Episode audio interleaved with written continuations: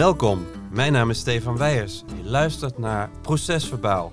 In deze podcastreeks bespreken we waarom tijdige en voorspelbare rechtspraak zo belangrijk is en wat de rechtspraak zelf kan doen om dit te verbeteren. In deze aflevering bespreken we de vraag wat het belang is van voorspelbaarheid en welke rol gedrag hierin speelt. Bij mij zijn aangeschoven Wendy Vierwijzer en Thijs Bessieux. Wendy is familierechter en verbonden aan de rechtbank Gelderland. Thijs is sociaal psycholoog en adviseur bij consultancybureau en Samhout. En als adviseur deed hij onderzoek naar de voorspelbaarheid binnen de rechtspraak. Welkom aan jullie allebei. Wendy, ik vroeg me af, kun jij mij vertellen waarom ben jij ooit in de rechtspraak gaan werken eigenlijk? Nou, dat begon eigenlijk al heel vroeg. Ehm, toen ik een jaar of acht was, toen zag ik uh, een klokhuisaflevering over de kinderrechter. Mhm. En eigenlijk op dat moment fascineerde me dat enorm.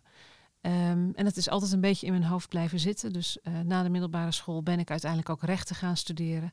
En uh, werd ik ook toegelaten tot de opleiding uiteindelijk van rechten. En uh, nou, daar heb ik geen spijt van. Hey, en Thijs, jij bent de sociaal psycholoog. Hè? Uh, wat is er nou zo interessant aan menselijk gedrag volgens jou? Ja, bij mij is het begonnen op zes jaar. Ik nam de trein uh, elke ochtend naar school, zo'n 30 kilometer van waar wij wonen. Ja. En als ik in de namiddag de trein naar huis nam, dan sprak iedereen over één begrip en dat was baas. Aha. En vaak in zeer negatieve bijklank. Hè, mijn baas dit, mijn baas dat. En ik vond dat bijzonder fascinerend, dus ik ben thuis in gesprek gegaan.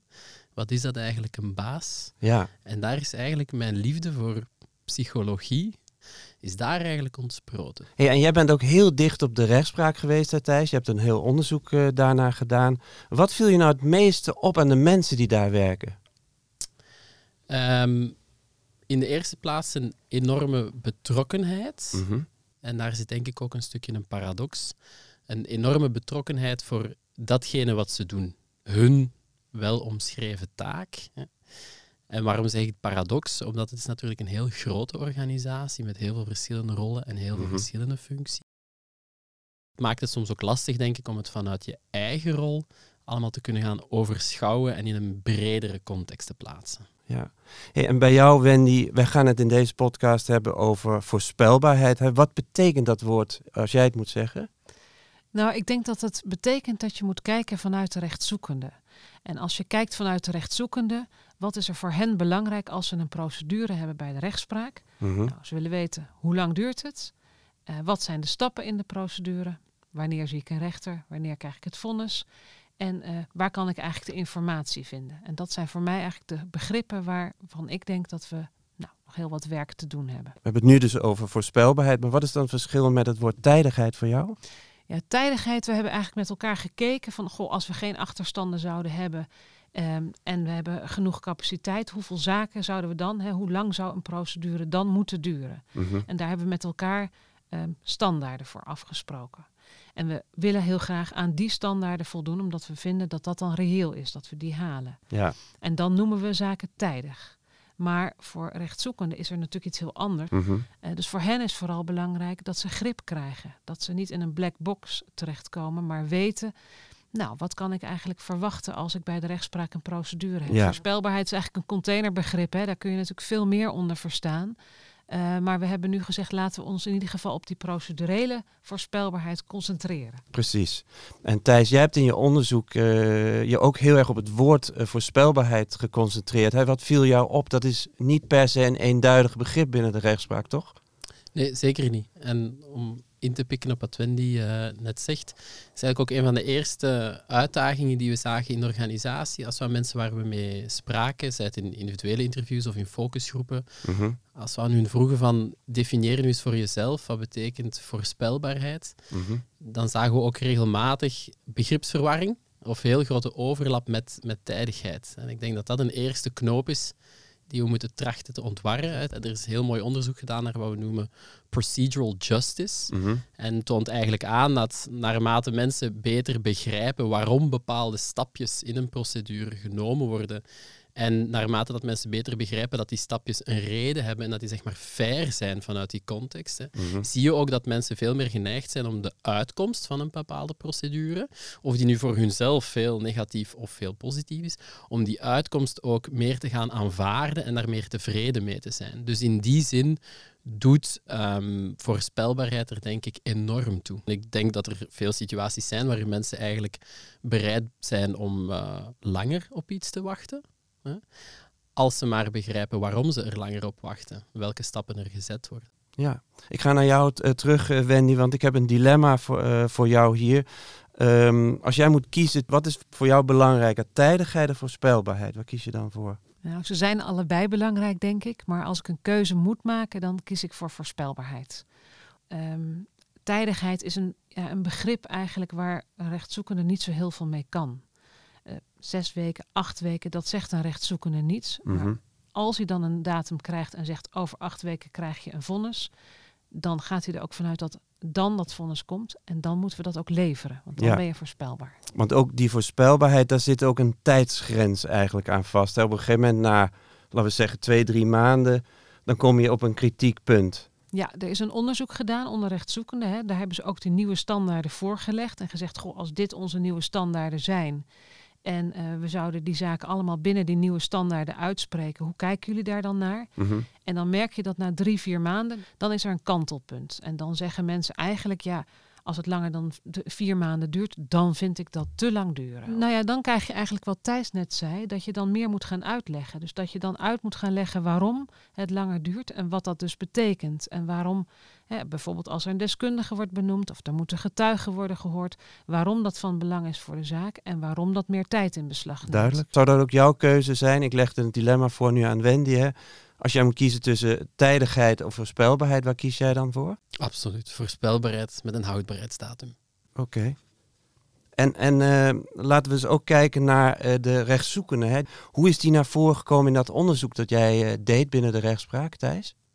Dus ons onderzoek focuste zich intern, dus de interne medewerkers van de rechtspraak. Daar zijn we zeg maar, met een drietal profielen in gesprek gegaan. Mensen die eh, administratief werk verrichten, mensen die juridisch medewerker zijn en dan rechters en bestuurders, zeg maar overkoepelend.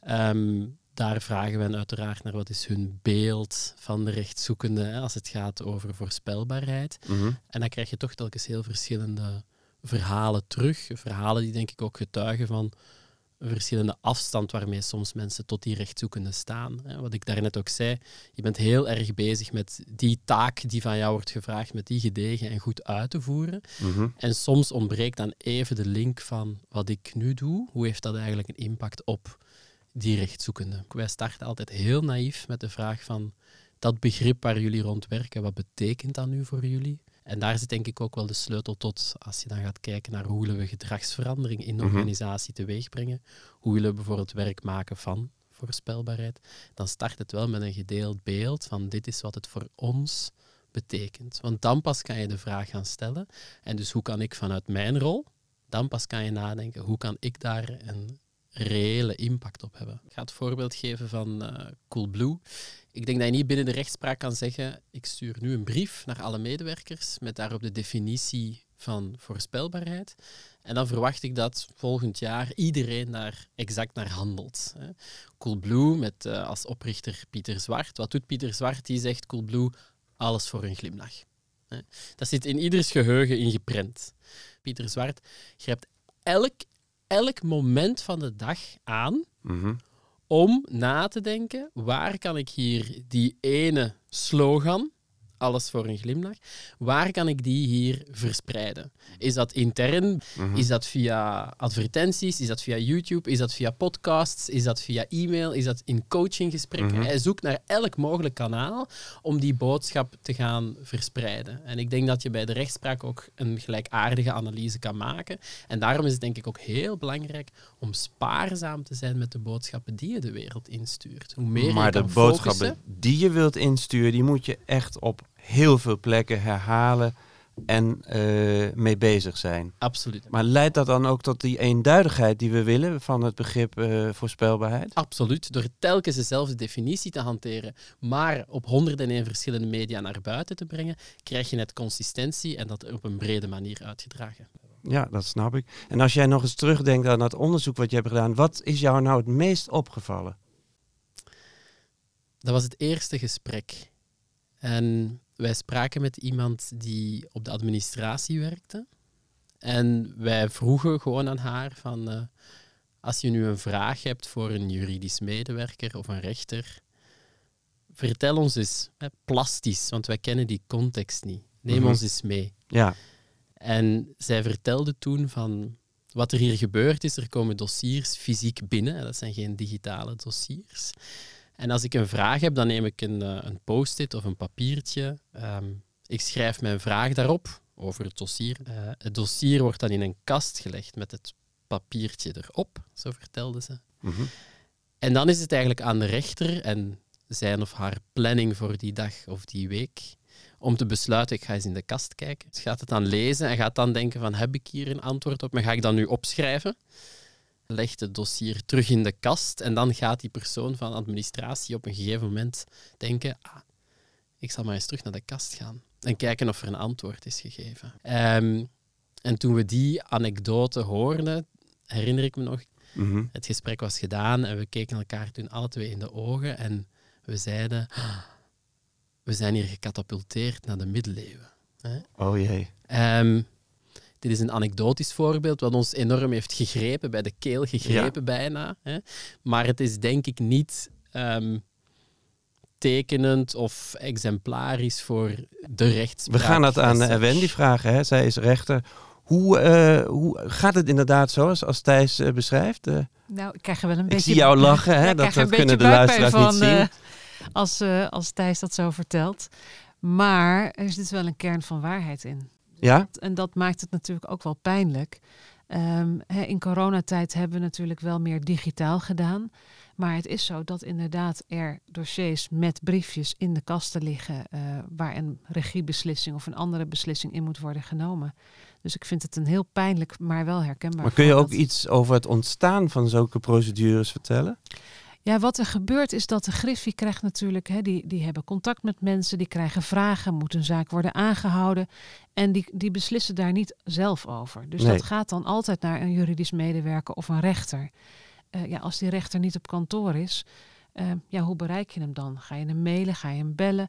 Maar ja, als je een zitting hebt en je wordt de hele tijd gebeld over, nou ja, een klein voorbeeld, eh, mag eh, eh, moeder een hulpverlener meenemen of de advocaat. Dat kan bijvoorbeeld op zo'n briefje gezet Dat- worden. Ja, dus er komen heel vaak van die kleine beslissingen waar je wel op moet beslissen, maar waar je natuurlijk niet altijd ook meteen mee gestoord wil worden.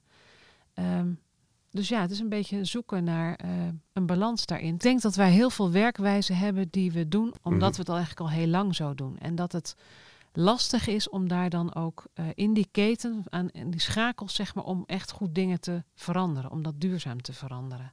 Dus daar zijn we ook naar op zoek van hoe kunnen we dat dan beter doen. Ehm, De persoon die werkt binnen de rechtspraak is ontzettend betrokken. Ja. Maar vindt het moeilijk hoe die in zijn eentje zeg maar, een mammoetanker moet eh, veranderen van koers, toch? Ja, dat, eh, ja, iedereen is heel bevlogen en heeft passie voor het werk. Maar dat zit vooral op de inhoud, denk ik. Hè. We, zijn graag jurist, we nemen graag beslissingen. We helpen mensen door nou ja, naar zaken te kijken en te luisteren. Ehm, maar dat stukje proces, dat vinden we ja, of minder interessant of we hebben daar minder zicht op. Eh, en we hebben inderdaad ook soms het gevoel dat het lastig is om dat stukje te veranderen. Thijs, een van de belangrijkste conclusies eh, of aanbevelingen uit jouw onderzoek is het belang van de rechtszoekende, toch? Kun je daar iets meer over vertellen? We hebben aan ehm, de mensen waar we mee in gesprek gingen, en nogmaals, van helemaal van boven in de organisatie tot helemaal onderaan, stelden wij hen ook regelmatig de vraag van ehm, wat brengt volgens jou de rechtspraak in beweging? En daar zagen we wel een duidelijk patroon in terugkomen. Mhm. Het antwoord dat we vaak zagen terugkomen was dingen die ons in beweging brengen, dat zijn dingen die ons pijn doen. Aha. Dus het is eigenlijk wel eens goed om buikpijn te hebben. Blijkbaar, ja. ja. Niet, niet onverwacht, hè. Ehm, en dan vroegen we aan hen van wat zijn dan dingen die jullie pijn doen? En dan gaf men eigenlijk heel duidelijk terug. Dingen die pijn doen zijn vaak voorbeelden, verhalen die dan in de media komen, Mhm. waar eigenlijk de stem van de rechtszoekende heel duidelijk wordt gehoord, wordt in kaart gebracht. En, Mhm. eh, wat ik denk onze belangrijkste aanbeveling zou zijn, breng de rechtszoekende naar binnen, want dan komt de organisatie in beweging. Hè. Wij kijken naar wat zorgt bij mensen voor gedragsverandering. En ehm, je gaat niet morgen een e-mail kunnen sturen naar alle medewerkers van de rechtspraak en hen vragen van zeg vanaf morgen ehm, misschien leuk als we allemaal ehm, een tandje bijsteken op vlak van voorspelbaarheid. Nee, dat is te Dat is- algemeen. Dat is een nobele poging, maar dat gaat niet werken. Eh, Nee. Gedragsverandering, als je mensen in beweging wil zetten, is eigenlijk een bijna systemische onderneming. Je kan niet zomaar op één hefboom of op één knopje gaan duwen en dan magisch verwachten dat alles gaat veranderen. hè. Nee. Maar je hebt wel, op een gegeven moment heb je die, die, die buikpijn, die heb je nodig. Mhm. En in een negatief scenario noem je dat buikpijn, maar in een, in een positieve vertaling noem je dat inspiratie. Precies. Ja, en, en, en ook bij jou, Wendy, hè, eh, als rechter, dat inleven in de rechtszoekende, hè, dat, dat is cruciaal. Maar hoe zou dat nou eh, kunnen? Wat, wat is jouw idee daarvan? Nou, mijn idee is dat rechters op zitting zich heel goed kunnen inleven in de rechtszoekende. En dat we ook altijd heel graag willen dat mensen op zitting zich gezien en gehoord voelen. Mhm. Dat mensen een verhaal kunnen doen en dat ze het gevoel hebben dat ze, nou, als ze de deur uitgaan, dat ze in ieder geval gehoord zijn en ook begrepen. Ze hoeven Ja. niet altijd gelijk te krijgen, maar ze hebben in ieder geval wel ja, hun verhaal kunnen doen. Ja, Ehm, en we zijn ook als rechters heel erg, we willen het goed doen, maar dat zit heel vaak dus op de inhoud. ja, En eh, waar volgens mij echt nog winst te behalen is dat we ons ook meer ja, gaan toeleggen op en hoe is het proces voor die mensen. En daar hebben we nog minder aandacht voor gehad en misschien ook minder affi- affiniteit mee, hè, want we vinden vooral die inhoud ook heel belangrijk. mhm. Maar ik denk dat als je zo'n klantreis, hè, ik heb er nu een aantal ook meegemaakt en gezien, en als je mensen hoort over hoe lang ze moesten wachten of wat hun ervaringen daarmee zijn, als je dat ehm, nou, vertelt of laat zien aan mensen, aan rechters en juridische medewerkers, ja, daar schrikken ze enorm van. ja en, En dat daar- is echt die inspiratie. In plaats van buikpijn raak je daardoor geïnspireerd, kun je zeggen. hè? krijg je inderdaad wel dat mensen zeggen, ja, dat moet anders. En zeker, ik, ik geef ook altijd zelf een klantervaring waarvan ik denk dat als het proces niet op orde is en ze niet weten hoe lang het duurt of wanneer ik mijn zitting heb en de rechter zie, hoezo zal de inhoud dan wel goed zijn? Wendy, binnen de rechtspraak eh, ja, spelen allerlei problemen. eh, te weinig geld, eh, capaciteit die heel moeilijk vervuld kan worden. Hoe kun je nog van de medewerkers binnen de rechtspraak verwachten dat ze toch aan de slag gaan met zo'n begrip als voorspelbaarheid nu? Ja, de werkdruk is hoog. Hè? Mensen die werken hard. En dan snap je dat je zegt, ja, is daar eigenlijk nog wel ruimte voor? Tegelijkertijd gaat de komende jaren gaat dat niet veranderen. Er zullen niet heel veel rechters bijkomen. Eh, dus we zullen, ondanks die druk, toch iets moeten gaan doen. En ehm, dan heb je eigenlijk het voorbeeld hè, van die houthakker die geen tijd heeft om zijn bijl te slijpen. Dan is het denk ik toch zaak om te kijken, nou kunnen we, ondanks die werkdruk, toch een manier vinden om ehm, ja, met elkaar te kijken wat kunnen we wel doen en waar kunnen we wel dingen veranderen. Op de korte termijn kost dat dan meer tijd en investering, maar op de langere termijn levert dat ons ook denk ik heel veel op. Een vraag voor jou. Hoe uniek is de rechtspraak als organisatie eigenlijk? En is het vergelijkbaar met een andere organisatie? Eh, Ik denk, de rechtspraak is absoluut uniek. Hè? Maar als je kijkt naar wat zijn een aantal, als je het iets abstracter gaat trekken, wat zijn een aantal eh, thema's die terugkeren, dan kan je denk ik wel goed gaan vergelijken met andere organisaties. En wat er hier terugkeert is, het is een heel complexe en heel gelaagde organisatie. En eigenlijk de stapjes hè, van wat we noemen een zaakdoorstroom, hè, kan je eigenlijk goed vergelijken met een estafette. Er zijn heel veel verschillende posten bij betrokken, Mhm. vooraleer zo'n zaak hè, van A tot Z helemaal kan worden afgehandeld. Wel, ik denk als je dat abstractieniveau neemt, dan kan je heel mooi gaan vergelijken bijvoorbeeld met de ziekenhuissector. Ehm, en ik zal een voorbeeld geven van een, een innovatie in een aantal Vlaamse eh, ziekenhuizen. En dat is het begrip wat we noemen klinische zorgpaden. Mhm. Wat je vroeger nog meestal had, en nu soms nog, hè, Ja, is dat je als patiënt een ziekenhuis eh, binnenkomt en dat je dan die estafette, die verschillende stapjes, is denk ik heel herkenbaar. Hè? Dat je van administratie naar die arts, naar die specialist, naar die verpleger, naar die sociaal helper, en dat je eigenlijk het hele ziekenhuis rondgaat. Hè? Ja. Ehm, en telkens van het ene ja, zoals we in Vlaanderen zeggen, van het kastje naar de muur wordt gestuurd. Bij een klinisch zorgpad wordt het eigenlijk helemaal omgedraaid. En dan gaan we kijken, wat is hier, ehm, wie is de patiënt? En welke zorg hebben we nodig? Welke specialisten hebben we nodig om eigenlijk die patiënt te kunnen gaan begeleiden van A Dat tot wordt Z? vooraf bepaald. Dat wordt Aan vooraf. het begin. En gedurende hè, wordt dat uiteraard altijd opnieuw geëvalueerd en herbekeken. Maar dan krijg je een situatie waarin een, een chirurg en een andere specialist en een verpleger en een anesthesist en een sociaal werker eigenlijk een mini-team vormen, een klein team vormen en zich ontfermen over het hele traject en het hele pad. Tegelijkertijd. Hè, Ja. ze zijn tegel- en zou dat ook overgepoot kunnen worden naar de rechtspraak? Ik denk dat je dat absoluut zou kunnen overzetten. Ik denk niet dat je het één op één kan kopiëren. Hè. Maar wat je nu hebt, is je hebt een aantal heel grote silo's waar telkens dezelfde specialismen werkzaam in zijn. En het werk wordt doorgegeven van de ene naar de andere silo. Nu hoor je Thijs, hè, Wendy, eh, je hoort Thijs een vergelijking maken met de zorg. Hè, en als ik het mag vertalen, zeg maar, in, in kleinere eh, toegewijde teams zou je echt meters kunnen maken. Nu is het, laten we zeggen, binnen de rechtspraak te veel in silo's georganiseerd. Eh, klinkt daar muziek in, in, in wat Thijs eh, zegt, eh, volgens jou? Ja, bij mij komen er wel ook meteen wat doemwolken boven drijven, merk ik. Mhm. Ehm, want ik, ik snap de vergelijking hè, van ziekenhuis en rechtspraak. Maar wat bij een ziekenhuis anders is, is dat de patiënt meestal beter wil worden. En bij de rechtspraak heb je altijd twee partijen, meestal twee partijen. Mhm. En een van de partijen heeft er soms belang bij dat een zaak niet snel door Tegengesteld. Ja. tegengesteld belang. En dus ehm, eh, heb je ook te maken met advocaten die heel veel verhinderdata bijvoorbeeld doorgeven. Maar ook partijen die er belang bij hebben dat een zaak zo lang mogelijk duurt. ja. Dus dat is dan wel nog gecompliceerder, zeg maar, om daar dan ook nog weer, nou ja, ook nog door dat moeras te zwemmen. Waar, waar, waar loopt de rechtspraak in voorop, vind jij? Wat zijn nou mooie oplossingen die je hier zou kunnen noemen? Voor het, voor het aanpakken en, en, en het bereiken van de voorspelbaarheid die we graag willen? Nou, ik denk niet dat de rechtspraak voorop loopt. Ik denk ook niet dat je dat moet willen als rechtspraak. Want ik denk dat de waan van de dag, eh, dat we daar toch wel een beetje vanaf moeten blijven. Mhm. Maar ik denk dat we wel hele grote stappen aan het zetten zijn. In ieder geval in de bewustwording. Maar ook om bijvoorbeeld een track-and-trace systeem eh, eh, nou, te gaan ontwikkelen. dat je op gezette tijden weet ja, waar jouw zaak uithangt, als ik het zo mag zeggen. ja, hè? dat je in kunt loggen en kunt zien waar, welke stap van de procedure zit die.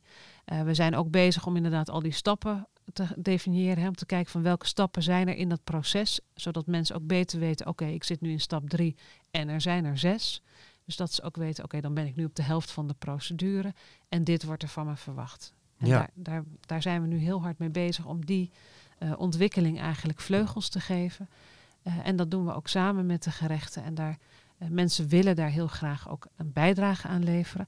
Maar dan kom ik wel weer bij, bij Thijs. Vind het ook soms wel lastig van hoe doe je dat dan?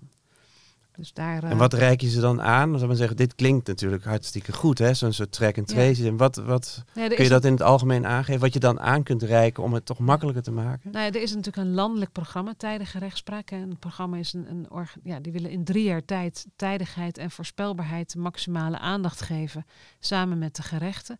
En op landelijk niveau zijn we bezig om een aantal tools te ontwikkelen, waaronder dus track and trace, maar ook bijvoorbeeld het herschrijven van de brieven van de rechtspraak, met daarbij ook eh, die rechtszoekende. Hè, die dus die wordt daar echt bij van, hey, wordt. lees jij deze brief? Kun jij dit nu zo snappen wat erin staat? Op die manier gaan jullie het herschrijven, hè? Ja, en ook om te kijken, kunnen we bijvoorbeeld minder woorden gebruiken, maar het meer visueel maken.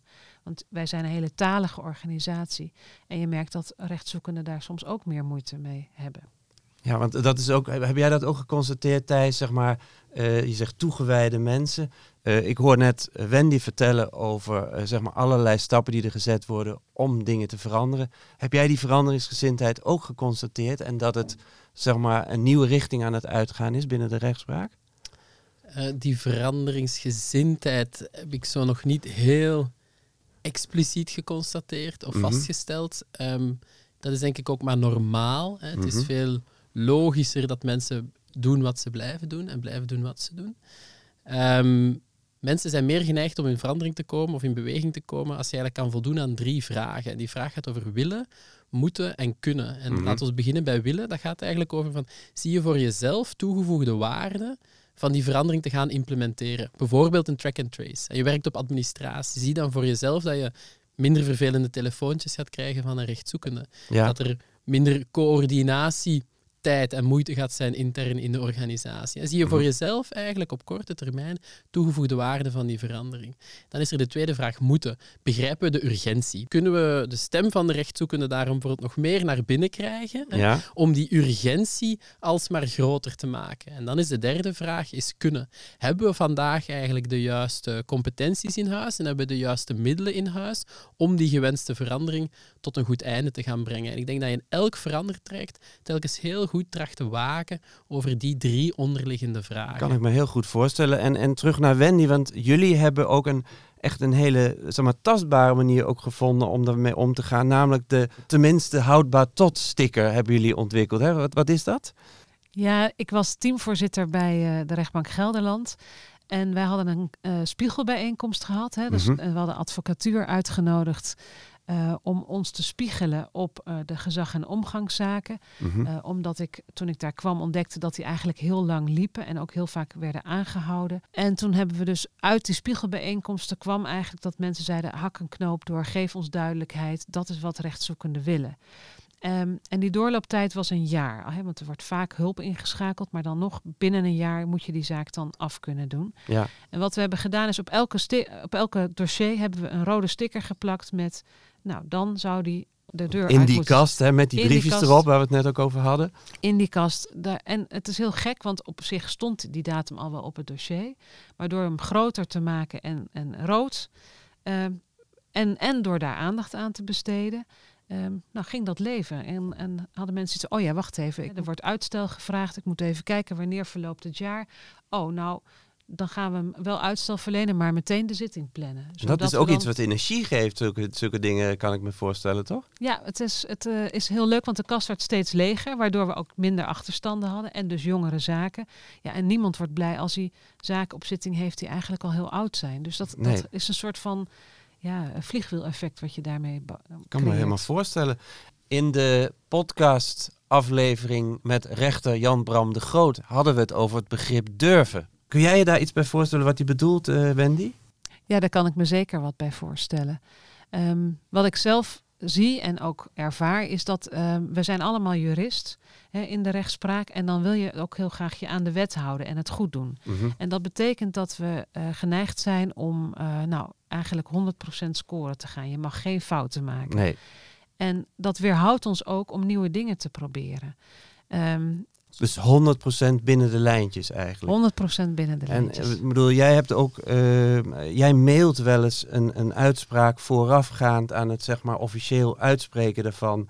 Is dat een voorbeeld van hoe dingen misschien anders zouden kunnen? Ehm, ja, dat klopt. Ik heb dat wel eens gedaan. In welk geval doe je dat eigenlijk?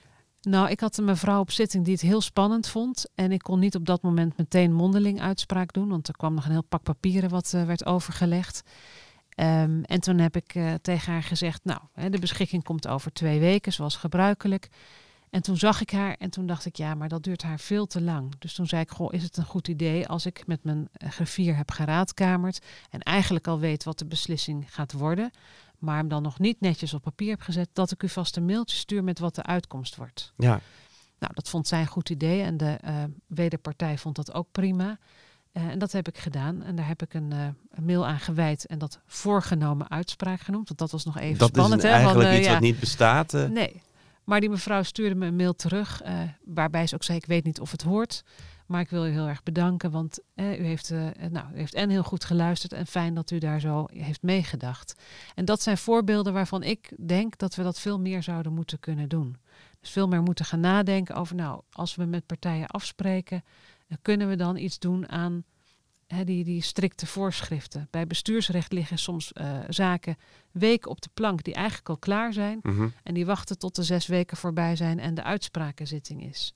Ja, dan denk Waarom, ik dat- inderdaad, Waarom ja. eigenlijk? Kan dat niet anders? Nou, daar, daar zou Er is echt wel een wereld te winnen in het gewoon eens praktisch kijken naar hoe dingen anders kunnen. Ja, Ja, eigenlijk terug naar wat is de bedoeling. Hè? Wel, Is het de bedoeling dat het allemaal precies volgens die regels gaat? Of kun je ook zeggen, ja, maar het is de bedoeling dat mensen snel hun uitspraak krijgen.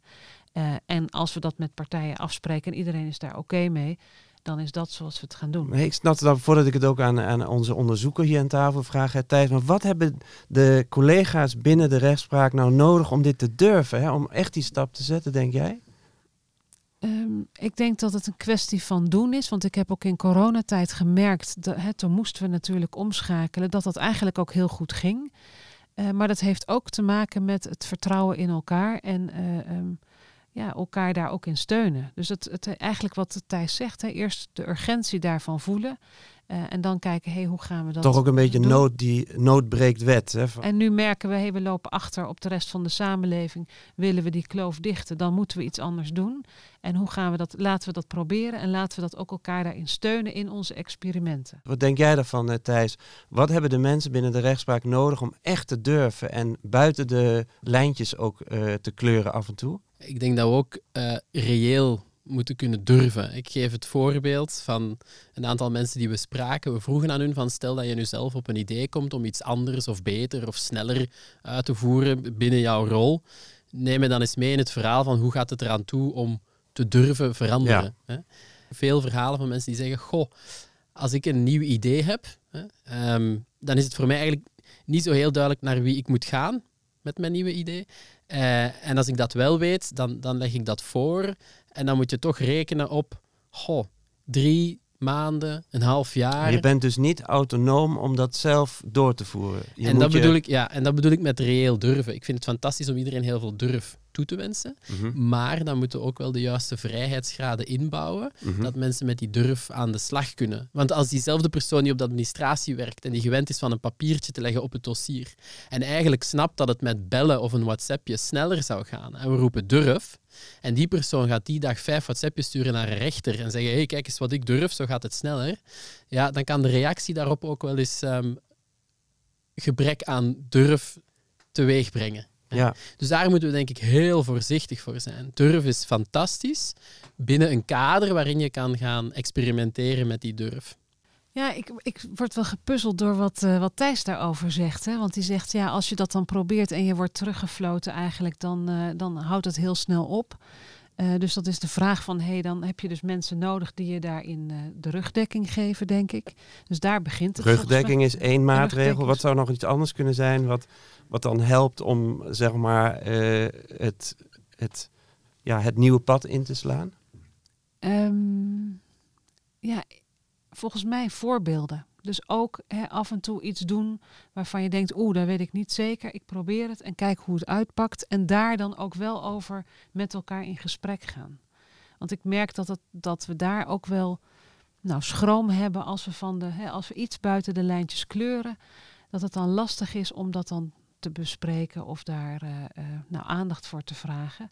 En ik denk dat dat helpt als je dat meer doet en we dus ook meer met elkaar kijken van hé, hey, maar waarom doen we dit eigenlijk? En ik lees in jouw onderzoek, Thijs, dat je het ook hebt over de aangeleerde hulpeloosheid binnen, binnen, de, eh, binnen de rechtspraak. Hoe raken we daar vanaf? Wat, wat is de manier om daar niet in te vervallen, als het ware? Eh, Door een ode aan, aan durf te brengen. Hè. En ik denk wat Wendy net zegt, het een aantal goede pistes waarop kunnen gaan werken. We zijn hier niet bij Netflix. Nee, nee. Hè? En bij Netflix kan je vandaag iets proberen en als het morgen niet goed uitdraait, goh, ja, Halen we het weer van de buis? halen we het van de buis en creëren we iets anders. Maar hier gaat het wel over het echte leven van echte mensen. Ja, precies. En als ik zeg, oh, ik ga naar een rechtszoekende een mail sturen, want dat is gedurfd en ik ga het op een andere manier doen, ja, maar ik maak daardoor misschien een eh, heel grote inbreuk tegen hoe het proces zou moeten verlopen, ja, dan heb ik die mens wel geraakt. Ik zei ook aan het begin eh, dat we probeerden te focussen op wat kunnen de mensen die binnen de rechtspraak werken nou zelf doen hè, om de voorspelbaarheid te verhogen. Als jullie tot slot nog één eh, advies of een tip zouden willen meegeven waar de mensen binnen de rechtspraak mee aan de slag zouden kunnen gaan, wat zou dat dan nog zijn? Thijs, ik begin bij jou. Eh, voor mij heel concreet, en dat kan iedereen doen in de rechtspraak, dat is het leuke eraan. Ik zou zeggen, ga eens in gesprek met een rechtszoekende. Iemand die er middenin zit, of iemand die helemaal aan de vooravond staat van, of iemand die er al helemaal door is gegaan. En Ga open en eerlijk met die persoon in gesprek, met een naïef, nieuwsgierige bril op. En beluister eens bij die persoon waar zit de pijn, maar ook dus waar zitten de kansen.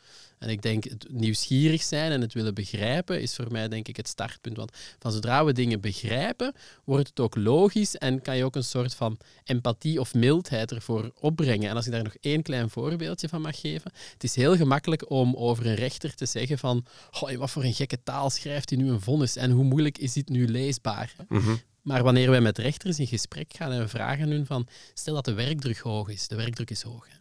Wat gebeurt er dan eigenlijk met u? En daar zegt men, wij vallen eigenlijk terug op onze aangeleerde reflex.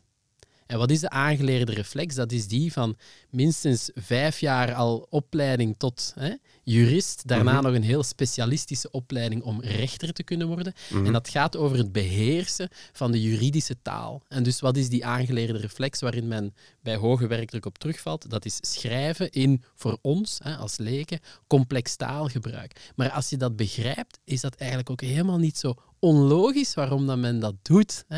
Het is gemakkelijk om daar een oordeel over te vellen. Ik denk dat het interessanter is om te begrijpen waar het vandaan komt. En vanuit daar de vraag te stellen, hoe kunnen we dan misschien een andere reflex gaan aanleren? Ik ga ook naar jou, Wendy, tot slot. Wat zou jij, jouw tip nog voor jouw collega's binnen de rechtspraak zijn? Van op deze manier zou je eh, concreet zelf aan de slag kunnen gaan met voorspelbaarheid. Nou, volgens mij begint het bij bewustwording. Dus dat je zelf nadenkt over, ehm, goh, hoe zou ik zelf behandeld willen worden als ik in een procedure zit.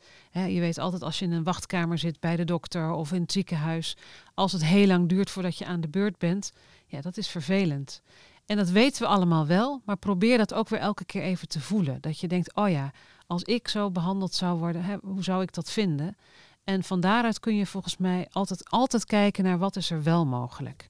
Want ook al roep je zo'n partij even binnen en zeg heel vervelend, maar het gaat langer duren, gaat u even een kopje koffie drinken, dan, dan heb je ze al gezien en Dat gehoord. maakt al verschil en dan voel je je ook al gehoord, inderdaad, eh, als En rechtszoekende. ik denk dat dat op heel veel kleine manieren, hè, ook al ligt een zaak een half jaar in een kast te wachten, omdat we te weinig capaciteit hebben om de zaak eerder te behandelen.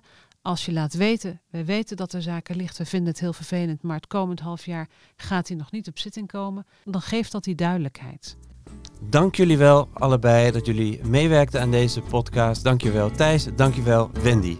Dank je dat ik hier mocht zijn. Graag gedaan. Dit was Proces Verbaal, een podcast over tijdig en voorspelbaar recht. Over een paar weken zijn we terug met een volgende aflevering. Wil je zelf aan de slag met tijdig en voorspelbaar recht, maar weet je niet goed hoe? Kijk dan op Landelijk Intro.